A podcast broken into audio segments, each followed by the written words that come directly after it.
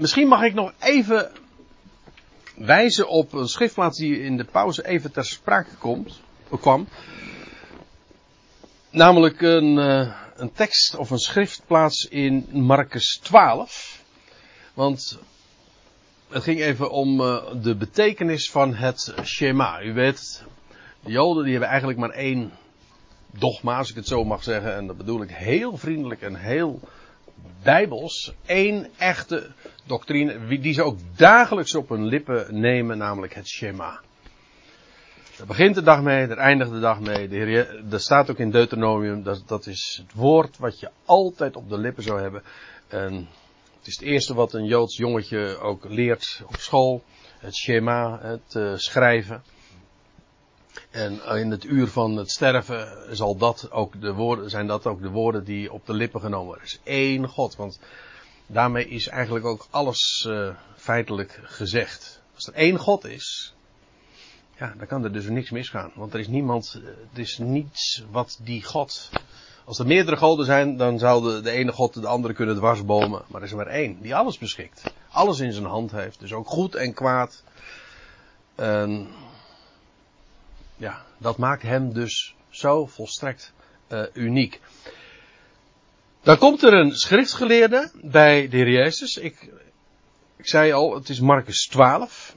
En ik, ik heb er geen dia van, maar ik wil het toch even ge, ge, genoemd hebben. Omdat ook dat bevestigt het weer zo duidelijk. En het sluit er naadloos op aan. Echt, heel de schrift is hierin volstrekt, maar dan ook volstrekt eenduidig. Het is wat het allemaal zo ingewikkeld en complex maakt, dat zijn menselijke doctrines en leerstellingen. Want als je aan een gemiddelde christen, of al is het een theoloog, vraagt, hoe zit dat nou met die drie eenheid? Waar staat dat in de Bijbel? Nou, nergens. Uh, waar staat de definitie van de drie eenheid? De definitie is één wezen, drie personen. Maar wat is het verschil? Als je dan. De, eerste, de, eerste, vraag die je gewoon dan daarover zou kunnen stellen is. Uh, één wezen, drie personen. Wat is het verschil tussen een wezen en een persoon? Uh, waar spreekt de Bijbel over een wezen en persoon? Het antwoord is nergens. Dus moet u nagaan. De belangrijkste leerstelling van de hele christenheid. Kijk maar na. Of je nou de, alle, al, alle kerkgenootschappen, protestant, uh, Grieks-orthodox, Rooms-katholiek, allemaal gaan ze terug naar Nicea. En die hebben, dat is het leerstuk van de drie eenheid. En uh, van Athanasius. Dat is het belangrijkste. Zelfs even, ook evangelische kerken noemen altijd de drie eenheid als belangrijkste eerste leerstuk. Het staat gewoon in de schrift. Nee, het staat niet alleen maar niet in de schrift. Het weerspreekt de schrift. De Bijbel zegt er is één God, de Vader, en benadrukt dat altijd. Is maar één God. En men ontkent het, men spreekt het tegen en zegt nee, er zijn drie goden. Alleen men verkapt het door te zeggen nee ja, het is één wezen, maar drie personen. Maar aangezien men, het is gewoon hol, omdat men het domweg niet kan uit, men, in de, men probeert te verklaren door termen te gaan bedenken. Die niet aan de schrift ontleend zijn. En die men zelf ook in logische termen niet kan uitdrukken, kan verklaren. Men kan niet vertellen van ja, het verschil tussen een wezen en een persoon is dit. En dan zeggen ze ja, dat is een mysterie. Ja, dank je de koekoek. Dat mysterie hebben ze zelf gemaakt. Is niet een mysterie dat de schrift opdient en zegt van nou ja, het, het is zo. Nee, men heeft dat mysterie zelf bedacht en zelfs neergelegd als dogma, als een besluit is het genomen. En ieder die dat niet onderschrijft, zo staat het ook nog eens in Athanasius, die het niet onderschrijft, die is voor eeuwig verloren. Dat is de orthodoxie. Dus waarmee ook maar gezegd wil zijn, wat we, waar we het vanmiddag of vanavond over hebben. Dit is, als je het orthodox bekijkt, dit is zo killing. Echt killing, want degene die dit uh, in de loop van de kerkgeschiedenis, dat die doctrine van de drie eenheid ontkende, ja, die, werd gewoon, uh, nou, in het beste geval. Die, uh, moet u, je zou het eens na moeten vragen, maar dat kan niet meer. Aan Michael Servet. Dat was een plaatsgenoot uh, van uh, Johannes Calvijn in Genève. Uh, Servet was een buitengewoon geleerde man, maar die, ontken, die zei de leer van de drie is niet naar de schrift. Weet u wat Johannes Calvijn gedaan heeft? Die heeft hem op de brandstapel gegooid. Want dat is wat Calvijn deed met iemand die de leer van de drie-eenheid ontkende. En zo is het in de loop van de kerkgeschiedenis altijd gegaan. De leer, wie die leer aantastte, of ontkende, of bestreed, nou, die was zijn leven niet zeker. Wat dat betreft, we leven natuurlijk in hele luxe dagen dat wij dit zo, dat ik dit zo kan vertellen, zonder dat mijn kop eraf gaat. Hè? Ja, nog niet. Nou ja, ja, ik ik denk, ja, ik, nooit. ik, eh, ik, ik- mag je straks nog even spreken? ik weet niet wat je van plan bent.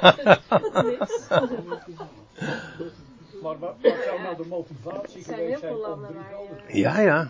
Sorry? Wat zou nou de motivatie geweest zijn? Wat, zou, wat was het probleem dat er een drie-eenheid moest komen? Ja, omdat men uiteindelijk. Het is een. Kijk. De Joden. Voor, is het volkomen duidelijk. Er is één God.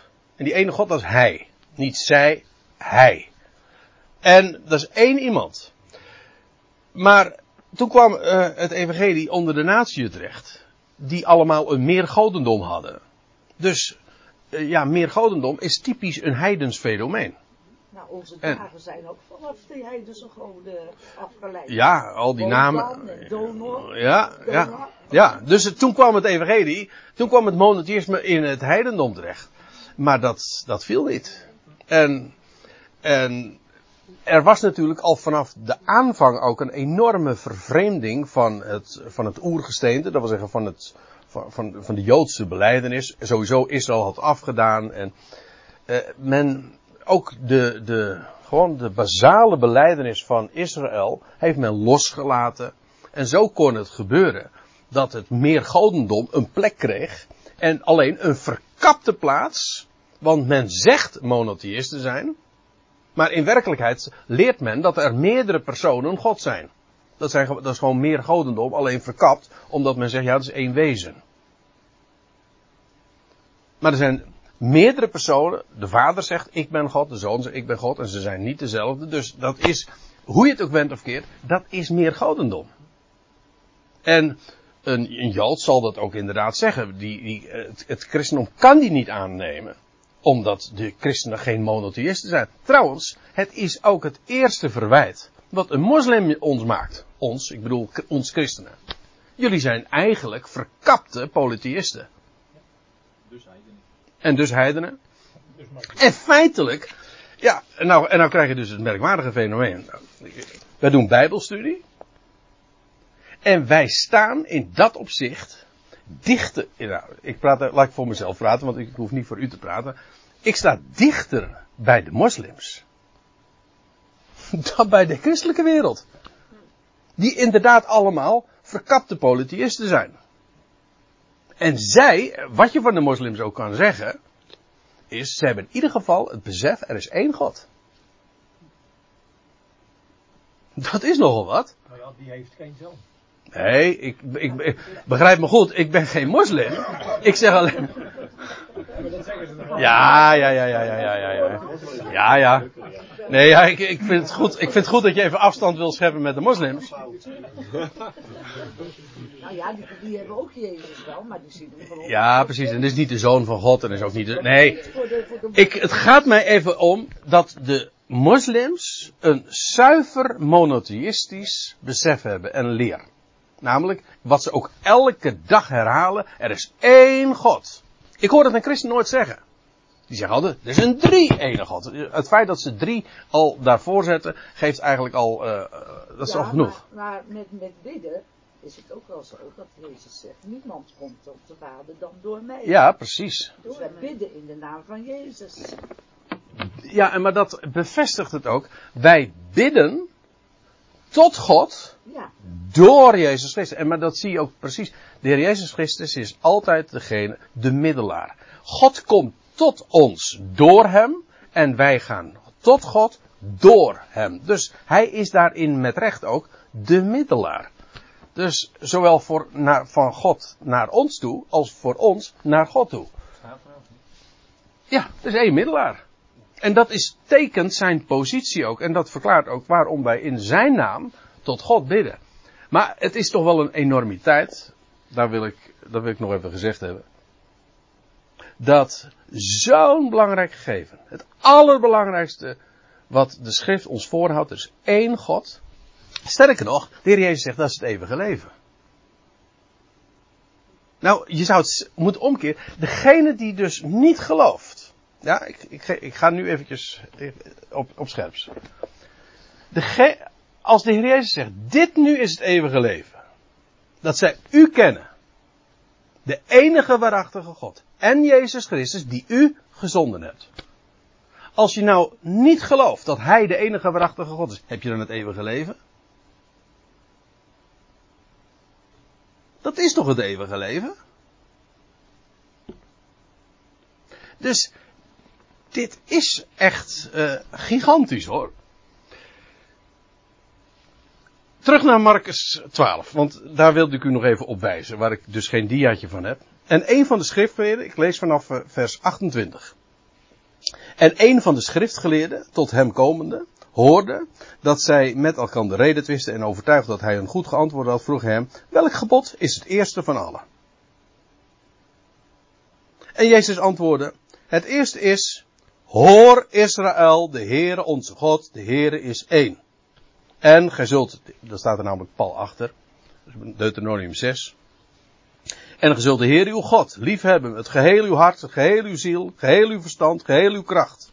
Het tweede is dit, gij zult uw naaste liefhebben als uzelf. Een ander gebod, groter dan deze, bestaat niet. Nou.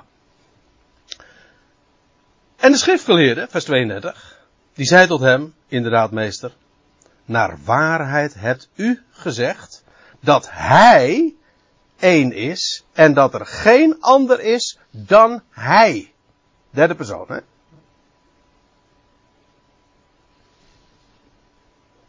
En hem lief te hebben uit geheel het hart, het geheel het verstand en het geheel de kracht en de naaste lief te hebben als zichzelf, is meer dan alle brandoffers en slachtoffers.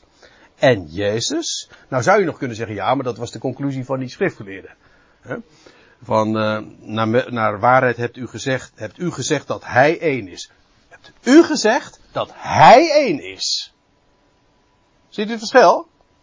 Dat u gezegd de tweede persoon enkelvoud, dat hij derde persoon enkelvoud. Ja, ik heb taal, uh, geef wel eens taalles, dus vandaar dat ik het zo zeg. Maar dat, dat is, het verschil is toch helder, hè?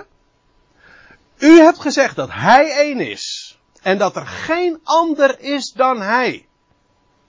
Dat zegt, de schriftgeleerde die, die zegt met zijn eigen woorden nog even wat de Heer Jezus juist gezegd had. Nou zou je kunnen zeggen, ja, ja maar dat is, was niet wat de Heer Jezus bedoelde. En dan zegt, en dan staat er, en Jezus, vers 34, ziende dat hij verstandig geantwoord had, die zeide tot hem, nou ja, enzovoort. Dat was dus precies wat de Heer Jezus zei. Dus, als het gaat om het Shema, de, hoor Israël, de Heer is onze God, de Heer is één.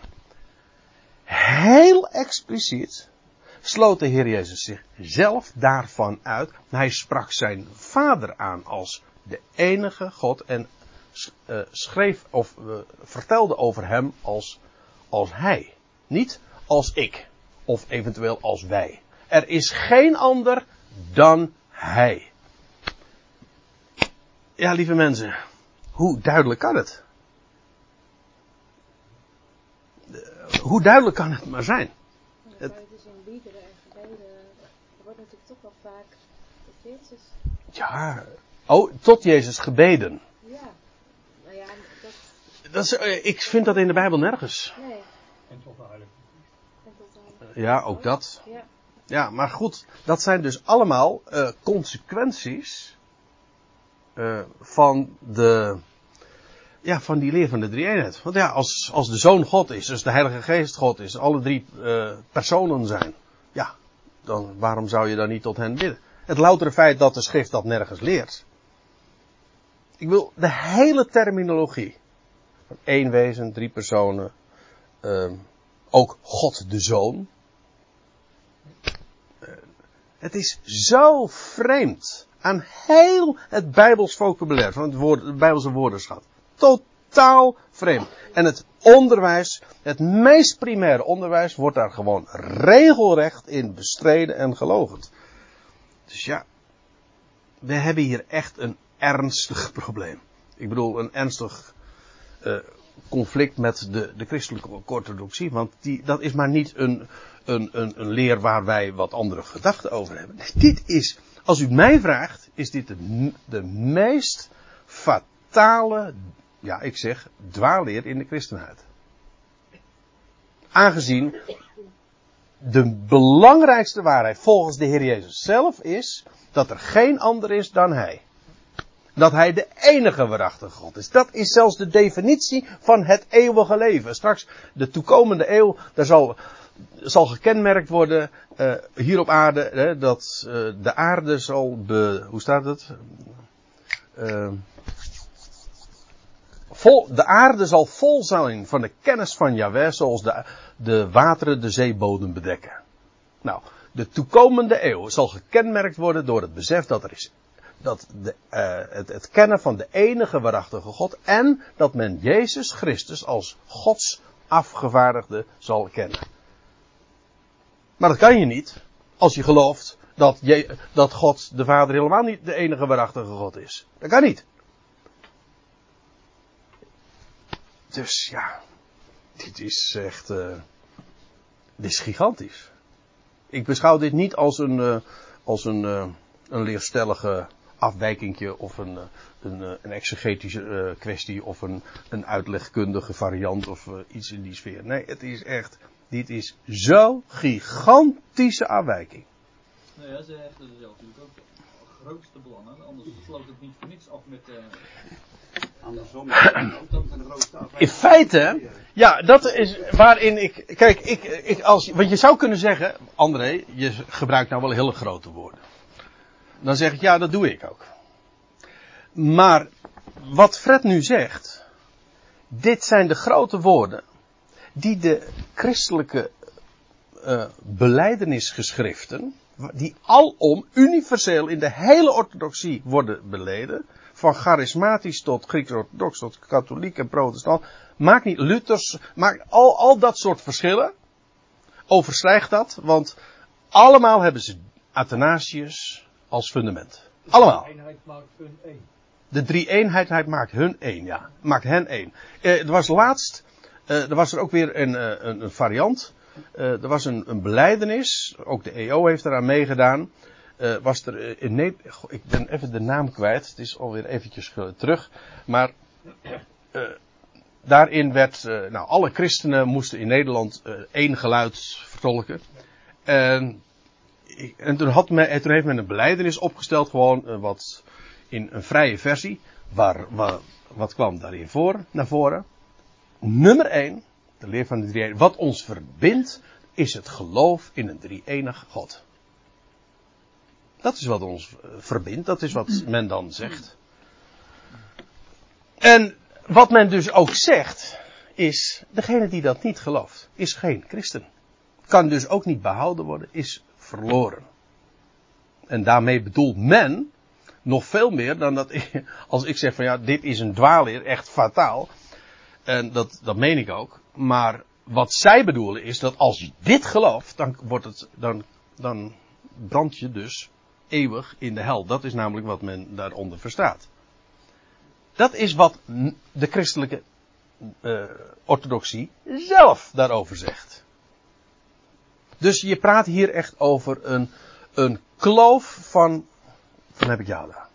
Gigantisch. Zowel de christelijke orthodoxie, die dat zo zwaar aanzet, maar ook de tegenstander. Ik bedoel, de Joden en de moslims. Die zeggen ook voor die christenen, die, die, die deugen niet. Waarom niet? Wel, ze hebben geen één God. Ze zijn geen monotheïsten. Ja, het zijn schijnmonotheïsten. En ze hebben daarin volstrekt gelijk. Jehovah's getuigen. Ja. Ja. Jehovah's getuigen, ze hebben daarin, uh, die, uh, die geloven, eh, die verwerpen de levende drie-eenheid. Maar als je dan ook vraagt aan een gemiddelde orthodoxe christen, wat is de ergste dwaalleer, wat is het ergste van, de, van die oversgetuigen, dan zal men zeggen, omdat ze de levende drie-eenheid ontkennen. Ja, ik was heel, ik was heel verbaasd. Ik dacht, oh ja, dat klopt. Ja, Jehovah's getuigen die geloven ook niet in een onsterfelijke ziel. Hm? En, die geloven, en die geloven ook niet in een eindeloze hel. Ja, ik, nou, nou, ga nou weer niet zeggen, want net werd ik er voor even bijna van beschuldigd dat ik een moslim ben, dat ik nu, eh, dat ik nu, eh, eh, dat ik nu een Jehovah's getuige zou zijn. Ook dat is niet zo. Ja, maar die bevestigde dingen. Ja. Nee, maar dan zie je dus echt. Jij gelooft het wel. eh. Hè? Jij gelooft het wel. eh. Maar over, over, de, over de kruisen op Golgotha, iets dergelijks. Ja. Dat, Ja, voor de- mij is daar ook iets. ja, wat zij beweren is dat, eh, dat het kruis een paal is. Ja. En Ook dat is trouwens op zich Ja, waar. Ja, Ja. Nou, maar goed, daar, dat, ik denk dat daar nog wel een paar aantekeningen te maken zijn. Ja. Maar in de, in de orthodoxie en in eh, de kringen waar wij dus allemaal uitkomen, tenminste wij dan, Ja. eh, dat God de verzoener is van het al, dat wordt dan nog goed, dat mag jij geloven. Maar als Ja. je zegt dat Christus geen God is Ja, nou, dat is mijn ervaring ook. Dat, eh, daar, eh, dat, ja, te geloven in alverzoening, dat is ongeveer ook vloeken in de kerk. Maar, de leer van de drie het ontkennen, ja, Dan eh, dan ben je toch echt helemaal de draad kwijt. Ja. Wel typisch ook, dat met die samenvatting van die wet, je las dat net voor, toen viel me dat op. Het begint eigenlijk met, hoor Israël, de Heer Ja. God is één. Ja. Dat, Nee, dat wordt nooit voorgenomen. nee.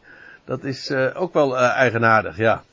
Eh, als, als de samenvatting van de wet wordt voorgelezen in de, in de, in de gewone kerk, dan, dan hoor je dat schema er meestal niet bij. Terwijl er trouwens ook een inhoudelijk relatie bestaat tussen het Shema en dat jullie zullen de Heer je God lief hebben. Want als je namelijk weet dat er één God is, dat is zo'n geweldige solide basis om hem werkelijk lief te hebben met heel je hart, met heel je ziel, want er is er maar één. Het maakt hem ook volstrekt uniek. Er is geen ander dan hij. Ja.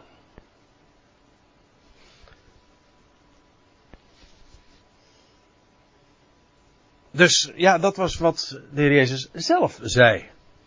Over het Shema en over. Nou ja, laten we dan even teruggaan naar Johannes 10, want daar hadden we het over. Hè. Maar goed, ik heb. Het is toch wel dat je heerlijk. eh, dus in die zin is het toch anders, denk ik dan, of niet? Wacht even, ik geloof niet Nou, dat je begrijpt. Je zei net van ja, Christus is geen God, maar ik dacht van. Christus is natuurlijk wat anders dan toen Jezus op aarde was. Ja. Jazeker, eh Jezus was hier op aarde eh, in, in vernedering en God heeft hem uitermate verhoogd. En staat er ook nog, en hem de naam ook gegeven boven alle namen. Dat is feitelijk ook de naam van Yahweh zelf. Ja, maar daar Eh, staat, Want de naam van Jezus betekent trouwens, opdat in de naam van Jezus, Yahweh is redder, zich alle knie zou buigen en alle tong zal beleiden. Van daarin is Jezus ook de expressie van God zelf. Maar er staat er ook bij, en alle tong zal beleiden dat Jezus is Heer, en er staat erachter, tot eer van God. Namelijk de Vader. Dus het gaat niet om de Heer Jezus zelf. Het gaat om de God die hij vertegenwoordigt en die hij representeert en uitbeeldt. En ja. En uiteindelijk, dat is ook het eind van eh, heel dat plan van de Ionen, dat Christus, als hij zijn taak ook volbracht zal hebben, en ook de, de dood als laatste vijand zal hebben teniet gedaan, dan geeft hij het koning, dan staat er, hij zal zich weer onderschikken aan God, die hem alles onderschikt heeft. En hij zal het koninkrijk teruggeven aan, zijn, aan God, de Vader. Ook dan is het weer, Jezus Christus, de mens, treedt terug en dan is het opnieuw, het is volbracht. En een volmaakt koninkrijk, zijn hele missie, namelijk om de wereld te redden, heeft hij dan vervuld.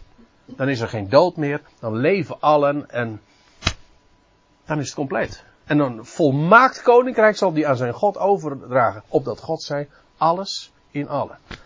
Maar je ziet het, er is dus ook daarin een relatie. Als je eenmaal zicht gaat krijgen op, eh, op die ene God en zijn zoon, maar ook de plaats die die zoon heeft ten opzichte van God, ja, dan ga je ook verstaan dat aan het einde van heel de geschiedenis en van dat hele plan dat God aan het uitwerken is, dat de zoon zelf weer terugtrekt, zich eh, onderschikt en alles eh, zal overgeven aan God de Vader. Want het is uit God, door, en door hem en tot hem. Het begint bij hem, het eindigt bij hem. Ja. Ik moet u zeggen, ik vind dit ook een. eh, iedere keer weer.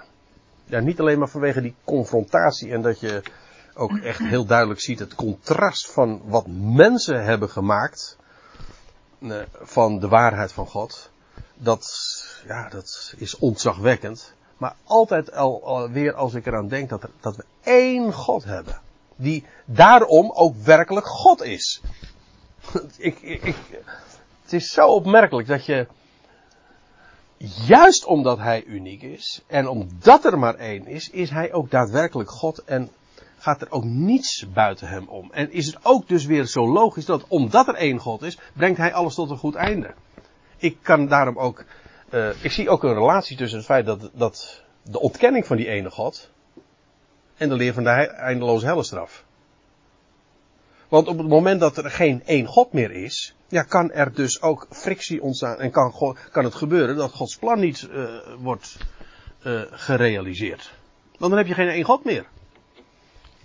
Dus ja, alles, alles ontspoort op het moment dat je de ene God loslaat.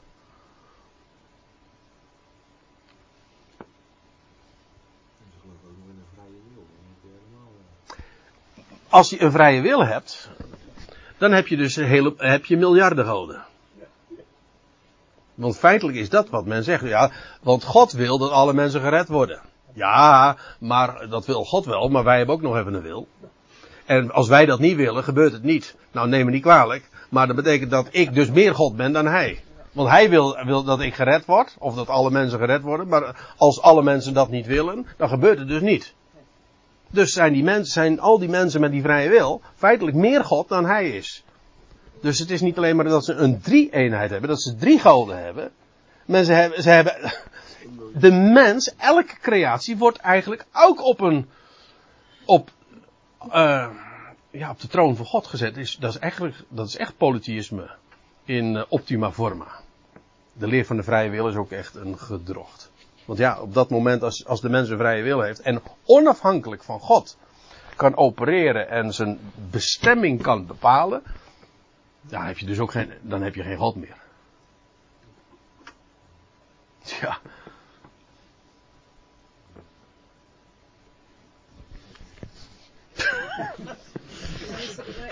ik snap het toch ook wel, want als je bij, je hebt natuurlijk toch van Christus is het hoofd van de gemeente en er staat natuurlijk heel veel over Christus. Dus ik denk dat mensen daardoor misschien dat toch als, als, als zodanig zijn gaan zien. Ja, je bedoelt, ze hebben, uh, om, omdat schrift aan hem zo'n uh, zo'n enorme positie toekent. God heeft hem de naam gegeven boven alle, uh, heeft hem boven alles geplaatst. Dat is ook zo, maar het blijft dan toch altijd, God heeft hem dat gegeven. Het is volmacht. Alle dingen zijn aan hem onderworpen, ja, maar God heeft hem alles onderworpen. Ja. Nou ja, Dus het is altijd weer dat, toch dat verschil. door hen is het christendom. Wij zijn christenen. Toch? Of mogen we ons geen christenen?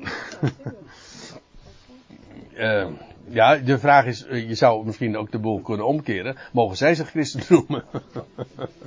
nee, ja, dat lijkt me, dat is, weet je, in die sfeer ligt het niet. Uh, wie, in de praktijk is het wel zo, dat, ik weet niet hoe het u vergaat, maar in de praktijk is het wel zo, omdat heel het christendom, gewoon de orthodoxe officiële leer, gewoon een regelrechte ontkenning en aanval is op het bijbelse gegeven van er is één God, namelijk de Vader, heb ik er wel moeite mee in de praktijk om te zeggen van dat ik een christen ben. Onder andere. Ook omdat het christendom ook niet gelooft dat de zoon zich gegeven heeft tot een losprijs ten behoeve van allen en dat hij, alle, dat hij de redder is van allen. Maar omdat dat mainstream eh, christendom is, eh, heb ik er altijd erg veel behoefte aan om daarvan toch in ieder geval te onderscheiden. Dus van ja, dat is niet wat ik geloof. Sterker nog, dat is juist niet wat het, wat het blijde evangelie is.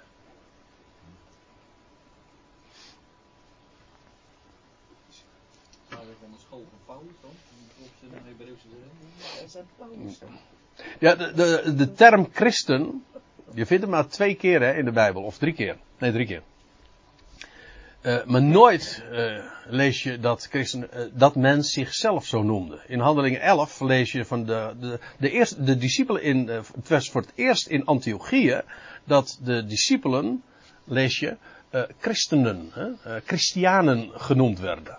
En meestal zegt men van ja, dat was eh, de, de, de titel die men zichzelf toekende. Maar het was waarschijnlijk juist, omdat het door buitenstaanders gezegd werd, waarschijnlijk juist een stelterm. Hè? Die christianen, weet je wel, ze hebben het altijd over christen, die christianen. Volgelingen van Christians, Christus dus.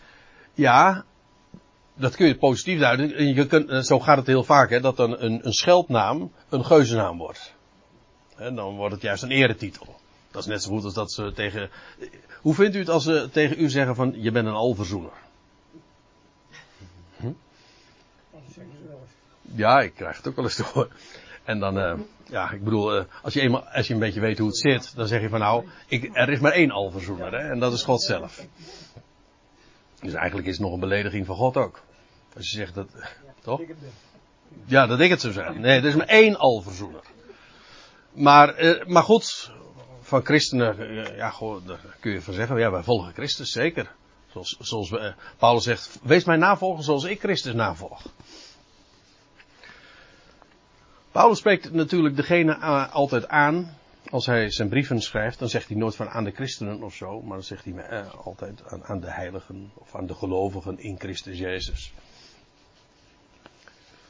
Ik, eh, ik hechtte er alleen al om die reden ook aan om het, om die, om het op die manier te formuleren. Maar goed, eh, meestal is het zo met namen. eh, dat is niet zozeer iets eh, wat, wat je aan jezelf geeft, maar het is meer, je wordt zo genoemd. Ja, Ja, wat Fred net zei, ik zei wel de school van Paulus.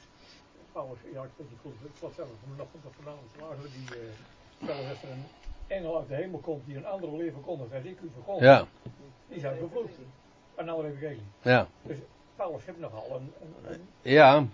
En Paulus zegt ook van, mij- hij spreekt ook over mijn evangelie.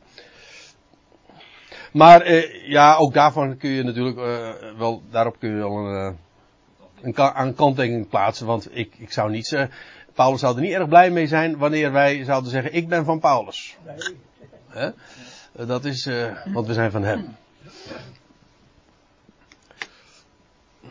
Ja. En nou zie ik dat het 10 voor 10 is. Ik zou eigenlijk verder moeten gaan.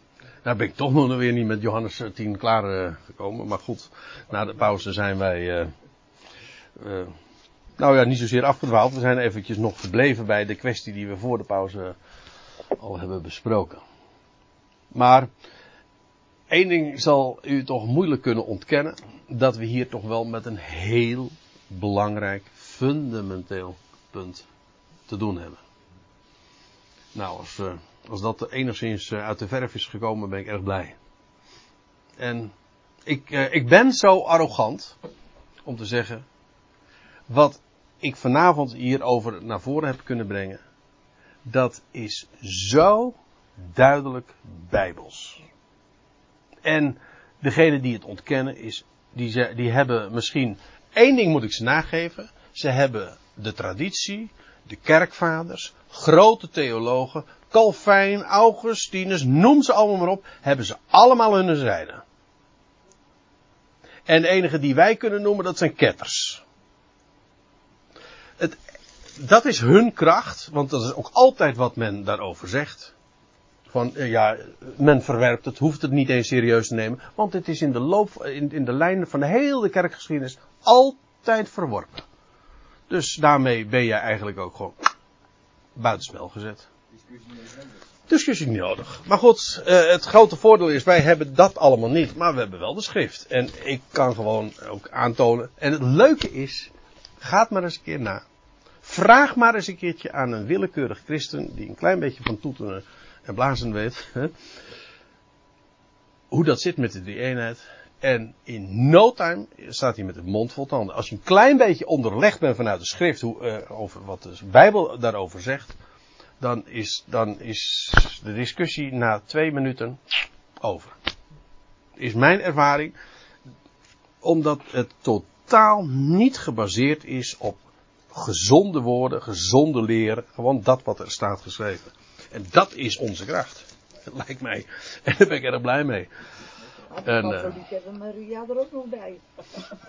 Zullen we die er nog even buiten laten? Nou, we hebben het er wel over haar gehad natuurlijk. Hè. Maar dan zie je trouwens ook. Nou, gewoon, dan gaan we nog weer door. Maar men zegt. De katholieke leer, dat is eh, de logica dan. Als Jezus Christus God de Zoon is. En Maria is de moeder van Jezus Christus. Dan is Maria dus de moeder van God. En dat is wat men zegt. De logica is eh, niet te weerspreken. En als je eenmaal op de toer bent van ongezonde woorden, als je zegt van ja, maar de Bijbel zegt, niet, eh, de Bijbel zegt nooit dat zij de moeder van God is, dan zeggen ze nee, maar goed, de Bijbel zegt ook niet dat Jezus God de Zoon is. Nee, precies. Zie je? Als je, ehm, ja, ik heb ooit, eh, dat is echt het laatste. Ik heb eh, van eh, eh, eh, Willem Ouweneel, de bekende hoogleraar en doctor, bekend evangelisch theoloog. Die schreef in de halverwege de jaren 70 een boekje, een, serie. En de, een van de eerste deeltjes in die serie waren, luidde: Wat is gezonde Bijbelstudie? En daarin bracht hij naar voren dat gezonde Bijbelstudie uit, uitgaat van Bijbelse terminologie. En daarom zei hij, we moeten af van al die onbijbelse termen.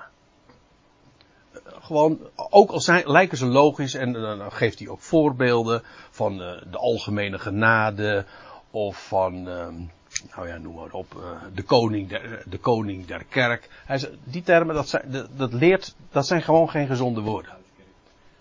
En hij maakt één uitzondering, en dat is de leer van de drie-eenheid. Want dat is waar alle christenen het altijd al volkomen over eens geweest zijn. Het is echt waar. Je kunt het zo lezen. Dit is echt onvoorstelbaar. Ja, Als je het dreigt met de hel is, dat is zo vreemd. Hè? Dat is het met elkaar eens en als je dreigt met de hel is het niet zo vreemd. En als je Nee, nee, als je daardoor laat intimideren, zeg Het is wat? Ja. Les 1 is een theologiestudie. Hè? Dat zal wel les 1 zijn, theologiestudie. Ja, van die drie-eenheid. Ja, ja, dat zit er in. Lieve mensen, zult hier belaten. Want eh, als we hierover doorgaan, denk ik dat we nog wel eventjes eh, voort kunnen. Hoe heerlijk is het als het simpel is. Eenvoudig, hè? Eén God. Hè? eenvoud. Eenvoudig, ja. En niet complex, tegenstrijdig. Zullen we met elkaar nog afsluiten met dankgebed?